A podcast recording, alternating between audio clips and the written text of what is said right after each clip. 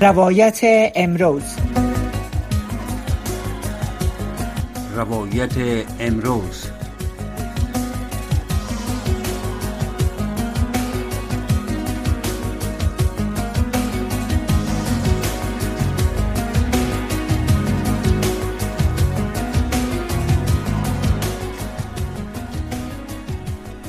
شنوندگان عزیز امروز ما روایت امروز به موضوع انواع و, انواع حیوانات و نباتات که معمولا حیات وحش نامیده میشه ما اختصاص دادیم. شنوندگان عزیز این تفاوت انواع و نباتات در مجموع به نام دایورسیتی یا تنوع حیاتی هم مینامند. یک زمانی در افغانستان که کشور ویژگی های خاص خود داشت و عوامل مختلف روی تنوع حیاتی تاثیرات نداشت کشور دارای تنوع حیاتی بسیار غنی بود. ولی طوری که دیده میشه و طوری که احساس میشه و راپور داده میشه این تنوع حیاتی دیگر به شکل سابق وجود نداره و کشور از این لحاظ صدمات زیادی را دیده. خب ما در برنامه امشب خود کاهش حیوانات و نباتات یا کاهش تنوع حیاتی را در افغانستان بعد از سالهای جنگ و بعد از ظهور تغییر اقلیم مورد بحث قرار میدم و در برنامه امشب ما میمان عزیز ما جناب غلام محمد ملکیار معین سابق اداره حفظ و محیط زیست افغانستان است که با ما همراهشان صحبت داریم. خب جناب ملکیار صاحب به برنامه خوش آمدین. از اینکه در برنامه اشتراک کردین از شما یک جهان ممنون. سلام به شما و سال نو براتون تبریک میگم. ماده خدمت شما. تشکر از شما. همچنان سال نو به تمام شنوندگان ما هم تبریک ارز می‌کنیم. خب جناب ملکی ارسل اگر در ابتدا روی تنوع حیاتی یک اندازه صحبت شود که مفهوم از تنوع حیاتی چی می باشه و چی مفهومی را ارائه می‌کنه قرار که شما هم قبلا گفتین تنوع حیات یعنی بخش های مختلف اکوسیستم و حیات است در روی زمین در یک محیط. بله. که به انواع مختلف ظهور می‌کنه و انواع مختلف رشد می‌کنه انکشاف پیدا می‌کنه و با مو شکل با می تفاوت ها بسیارش از بین میره بله. یک تعریف بسیار ساده است و ما در مجموع تنوع حیات یا بایودایورسیتی و نمو زندگی است که در زمین است و به اشکال مختلف است بله خب این بر علاوه از که جین ها و همچنان اکوسیستم ها و در این حال انواع نباتات و حیوانات در مجموع در بر می‌گیره. بله؟ کاملا خب. کاملا خب. حالا میم سر موضوع ازی که وضع فیلی حیات وحش یا تنوع حیاتی یا انواع مختلف حیوانات و نباتات در افغانستان به چه شکل است؟ آیا کاهش چشمگیر در این انواع به ملاحظه می‌رسه یا خیر قراره که شما هم می‌دونید هر نوع تخطی یا هر نوع تخلاف در طبیعت یا دوستاندازی در طبیعت یا مداخله در طبیعت می‌تونه که تنوع حیات مختل بسازد بله. و این خودش مربوط میشه به اینکه تا چه اندازه مردم آمادگی دارن چه آگاهی دارن و چه اندازه ساعاتی که خصوصا حیات وحش و تنوع حیات یک کشور در اونجا موجود است. ساعت گردششان است یا ساعت توزیع و انتشارشان است. چقدر قابل دسترس است و چقدر در اونجا یعنی حفاظت میشه. بله. بدبختانه این مشکل نه تنها در افغانستان بلکه در تمام دنیا یک مشکل بسیار حال شده. امروز تقریبا تجارت یعنی تجارت خدمات اکوسیستم یا تجارت تنوع حیات در سطح دنیا بیشتر از 7 بیلیون دلار سالانه میشه که خودش با وجود که قوانین و کنوانسیون مختلف در این قسمت وجود داره اما از بین بردن از یا یا مداخله در زندگی عادیشان روزانه یک مقدار زیاد یک تعداد زیاد خود بخش های مختلف تنوع حیات مختل میشه. حتی بسیاری در بسیاری کشورها از بین رفته در افغانستان هم مشکل از بسیار سابقه داشتیم از از چون از یک طرف فقر در اونجا حاکم است. فقر بله. خودش یکی از از بخش های عمده است که می‌تونه محیط زیست اکوسیستم و تنوع حیات کشور کاملا از خب یا مزاحمت می‌کنه برش یا تخریبش می‌کنه یا تهدید می‌کنه یا بعضا کاملا از, از بین میره. بله. پایین بودن سطح آگاهی مردم و نبود یک نبود قوانین و نبود پلیسی ها و استراتژی ها و همچنان دسترسی حکومت یا اداراتی که در قسمت کار می‌کنه در ساعتی که بتونه این حفاظت کنه. این همش واضح دست به دست یکی دیگه داده. می‌تونه که تنوع حیات کشور خصوصا حیات وحش به شمول نباتات. ما در افغانستان نباتات بسیار خوب داریم نباتات طبی داریم نباتات صنعتی بسیار خوب داریم نباتات تیلی که از اون یعنی ما روغن و یا به دست میاریم که در, در انکشاف اقتصادی و امنیت و استقلال یک کشور رول بسیار عمده را دارد. ما را داشتیم و داریم تا حد رس یعنی هنوز هم بسیاری جاهای غیر قابل دست داریم که در اونجا زنده هستند. اما بدبختانه فقر روز افزون خصوصا در ناامنی در ساعت مختلف. تقریبا تانسته که بسیاری انوار یا خود تنوع حیات ما رو تهدید کند چیزی بله. که بسیار مهم از این بخشیه که خود مداخلات انسانی است که خود انسان مداخله می‌کنه مداخلات به حساب حوادث طبیعی به شمول تغییر اقلیم که شما گفتین در یک قسمت هم در رول دارد از بین بردنشان در مهاجرت های جبری از یک قسمت در دیگر جای و از کاملا به انقراض رفتنشان یه همش همش از جمله اما بلاهایی است که تنوع حیات کشور به شمول افغانستان تهدید می‌کند. ما بسیاری نباتات طبی بسیار غنی را داشتیم در کوههای افغانستان. بدبختانه اکثرا یعنی اپروچ شده کاملا از بیخ از بین رفته. اکثریتش از اکثریت انواعش یک قلم تجارتی بسیار بزرگ کشور بود که سالانه صادرات از یعنی در اقتصاد کشور رول داشت. حال این کم شده. از یک طرف کمیشی که اون انواعی که قبلا وجود داشت یک تعدادش از بین رفته و در پلیس چون کنترل وجود ندارد استفاده بیش از حد بهره برداری بیش از حد از منابع خصوصا منابعی که قابل تحفظ باید باشد. این تانسته که امی انوار از بین ببره. در پولیش نباتات تیلی که ما به شکل وحشی در شای خود داشتیم در ساعت مختلف و دره های مختلف داشتیم. این هم تقریبا رو به زوال است و یعنی توجه بسیار جدی نشده. در پولیش حیوانات وحشی افغانستان که تقریبا نادر است در سطح دنیا ما بعض انواع داریم که بسیار نادر است. شما در خدمت می‌فهمید بله.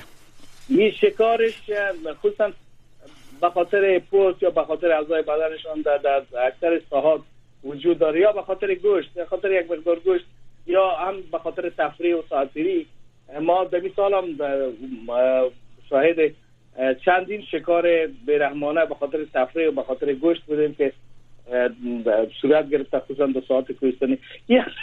همه کیش می‌تونه که در قسمت از بین رفتن یا تهدید و یا هم گاهش تنوع حیات کشور خصوصا افغانستان رول داشته باشه.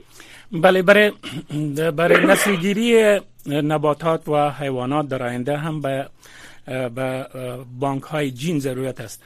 این تنوع حیاتی فیلی که در افغانستان است از لحاظ جین, جین هایی که بسیار با ارزش است تا کدام اندازه برای کشور مهم است؟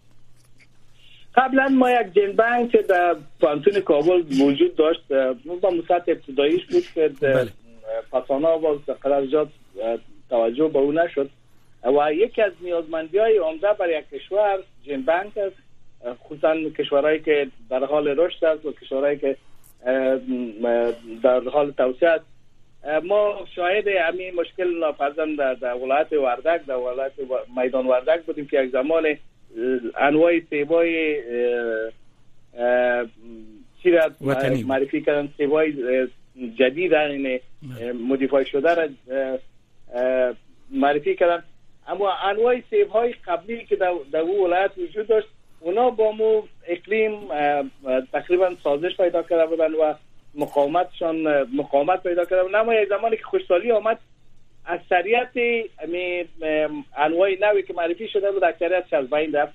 و در بله. پولیس چون جن بانک نبود و در پولیس متوجه به انواع بومی یا اما اندمیک صورت نگرفته بود اکثریت درخت های قبلی هم از بین رفت اما انواع میوادارش و این سیبای تازه معرفی شده هم این خودش بله. واضح می سازه که موجودیت جین بانک در یک کشور خصوصا یعنی یک ذخیره جین بله نباتات و بله. حیوانات بسیار رول داره بله در پولیش ما بعض انواع دیگر هم داشتیم که بله. قبلا از این نمونه گیری صورت گرفته بود و نمونهش در پانتون کابل موجود بود. که در سال آخر بسیار توجه کمتر در رابطه صورت گرفت و یک از علتی که ما بعض انواع اندمیک یا بومی را از دادیم. در این سال اخیر یک با کمک کشورهای مصرات تخصصی در قسمت نسلگیری حیوانات و در قسمت کپتیو بریدینگ. اقدامات صورت گرفت در ولایت مزارش در ولایت بلخ در فرا در کابل کی هم خطر قابل چشمگیر نبود و پلانی بود که تا ده سال آینده این کشاف پیدا کنه در اکثر کشور خصوصا در قسمت هایی که ما حیوانات و نباتات بومی یعنی که خود داریم خصوصا سمت شمال شرق افغانستان این پروسه تا جای بسیار موثر بود و خوب بود مگر متمرکز به دو ساحه شد و بله. متمرکز به حیوانات و پرنده ها بود اما در قسمت نباتات و حیوانات بومی که نیاز از دو قسمت باید کار صورت می‌گرفت اما فرصت برابر نشد بالاخره به مو حالت ماند و چیزایی که قدم که برداشته شده بود بله و خب. این قدم ها هم بله.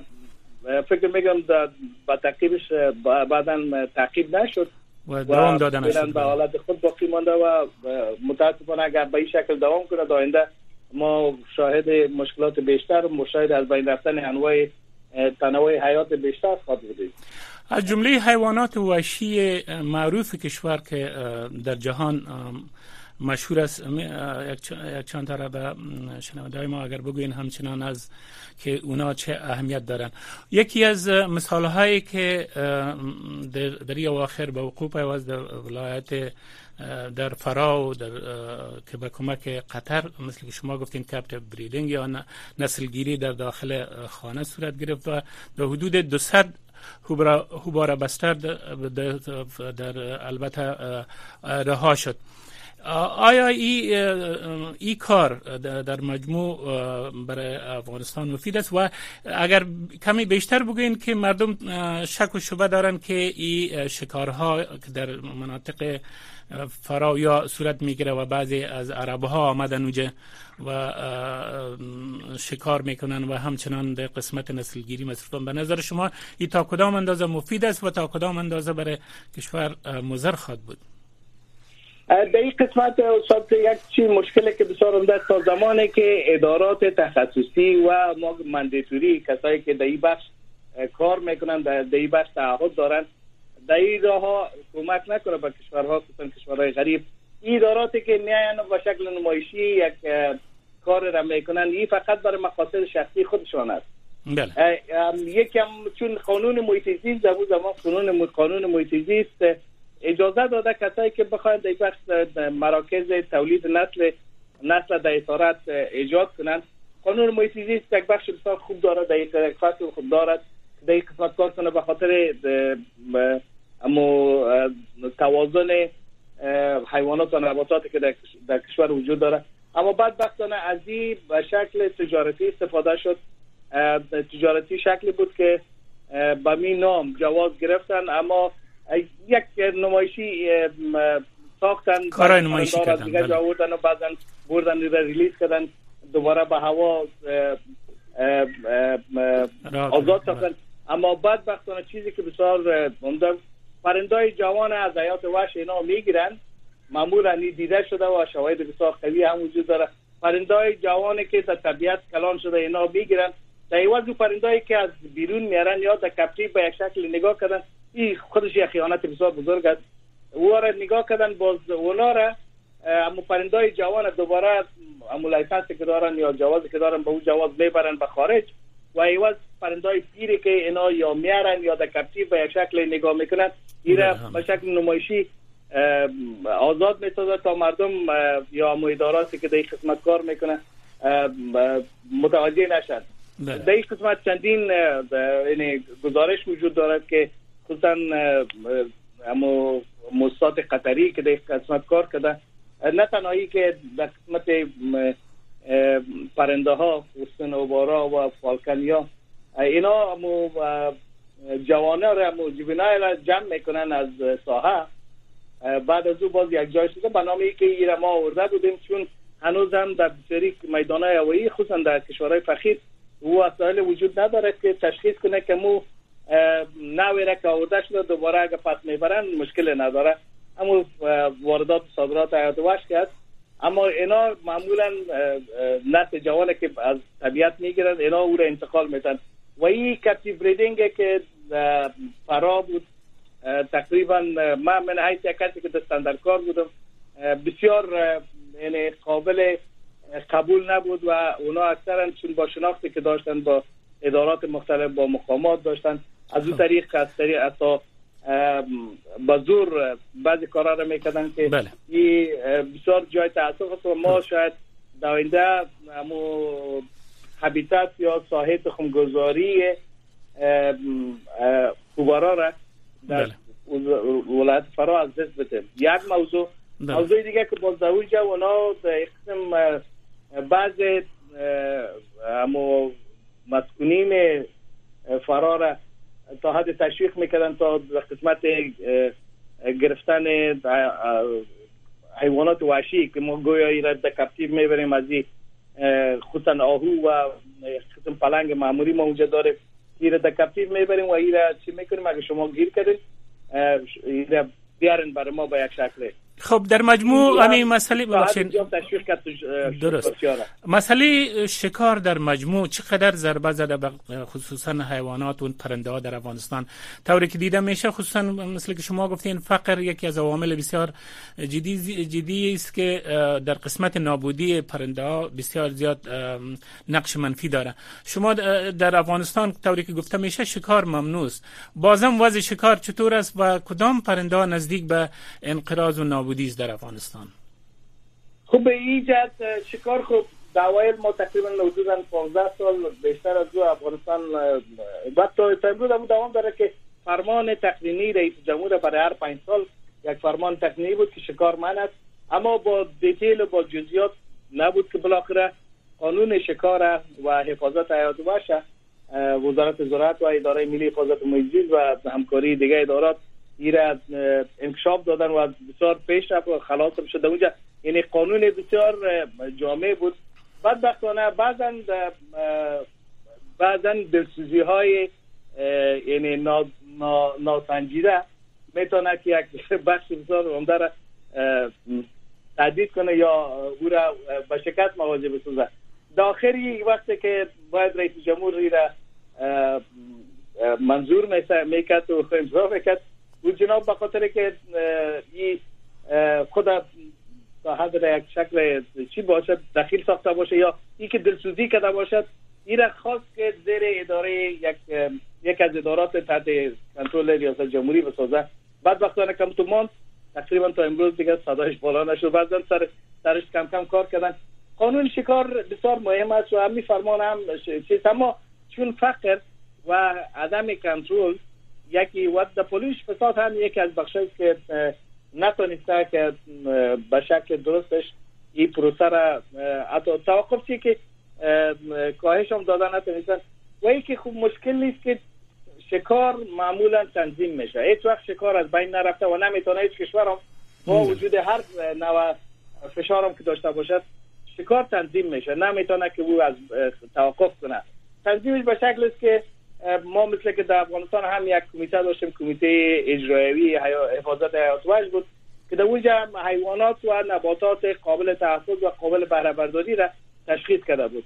وای که قابل تحفظ بودن او را ساعتش معلوم بود و امر می‌کردن که در اینجا کس مداخله نمی‌تونه و وای که ساعاتی که یا حیوانات که قابل قابل بهره برداری نظر به تعدادش کسایی که می‌تونست که یکی خو حرفوی شکار باشه شکاری باشد و در پولش جواز داشته باشه. یعنی کسایی که جواز نداشته باشه به هیچ وجه نمی‌تونست کنه اما در افغانستان بدبختانه در در, در سال آخر هم با وجود تلاش زیاد شکار نشد تنظیم تنظیم درست نشد و ما تعداد زیاد حیوانات خصوصا و حتی در بعض شواهد بسیار مثبت خوب هم داریم. بعض شواهد بسیار منفی است که در اکثر ساعات کوهستانی و شکار پرنداخ یک چیز عادی است که اصلا هیچ وقت توقف داده نشده و هیچ وقت هم بسیار سرش فشار آورده نشده خب تا حد ایره سرش کار شد کاهش پیدا کنه در پولیش معرفی بعض فرمای چی بود که جواز دادن برش فرمای نگهداری و تولید وزن گنجش بودنه یا بله. چیزی به شکل خانگی و اهلی او را چی می‌کردن که در بازار ارزش تا سر حیات وش فشار کمتر شد. بله. که بازی چی شدی تا حد رد سکتور خصوصی تشویق هم شد. اما شکار حیوانات وحشی خصوصا آهو را ما امیال در, در اکثر جایا در خصوصا در سمت شمال شرقی و مناطق مرکزی افغانستان مناطق شمالی افغانستان اکثرا شکار میشه. امیال بدبختانه روان است. پلنگ برفی تا بسیاری موارد با وجوده که در سالهای قبل بسیار کوشش شد تا مو طویله های مسئول برای مردم ساخته شد تا شکار انتقامی که به خاطر از بین رفتن حیوانات علی که حیوانات وحشی سر شمله می‌کنه طویله های مسئول بسیار زیاد ساخته شد و تا حد رایی که کاهش هم داد شکار کاهش داد. اما بازم مردم در اونجا به خاطر پوستش و اعضای بدن به شکار خب امی یک سوال ببخشید که وقتم کم از ببخشید. امی مسئله مارکوپولو آوی مارکوپولو وزش به کدام منوال است و آیا کدام سروی در مورد موجودیت یا تعداد آوای مارکوپولو در مناطق پامیر و واخان موجود است؟ فعلا که به کدام وضعیت قرار داره؟ برای که یکی از انواع بسیار مهم که در سراسر جهان شناخته شده و به او حتی واخان مشهور است با کدام وضعیت قرار داره؟ خوشبختانه استاد ما در سالهای اخیر یکی از کسایی بودم که در قسمت سروی و اسسمنت همو ارزیابی حیات وحش کشور خصوصا در سمت شمال سهم بسیار نزدیک داشتم و حتی خودم شخصا رفتیم اونجا بله. تعداد زیاد یک تعداد زیاد مارکوپولو خصوصا آهوی مارکوپولو هنوز هم وجود دارد اما چیزی که این قابل تاسف هست که سرحدی که ما بین تاجیکستان و افغانستان داریم یک قسمت اونا چی گرفتن جالی گرفتن نه بله. گرفتن که در این بله. قسمت در بعضن حتی ما دیدیم بقایای مارکوپولو را که در اونجا یا شاخش بند میمونه یا یک قسم در جالی بند میمونه خود چون کسی نیست که رو نجات بده بالاخره در اونجا از بین میره و بعضا معلوم شده بود و مردم هم خصوصا مردم پامیر چندین بار چی کردن بر ما خود ما شخصا گفتن که از تاجیکستان شکاری های حرکاوی با حساب شکار مسابقاتی داخل افغانستان میان و اینجا تا یک ماه و بیست روز میگه حتی توسط هلیکوپتر آورده شدن در داخل کشور و اونجا همین کمپانی که در تاجیکستان فعال هستند به خاطر شکار شکار مسابقاتی یا تراپی هانتینگ در اونجا می آمدن و شکار وجود داره. اما در مجموع چون مارکوپولو بسیار تیزهوش است.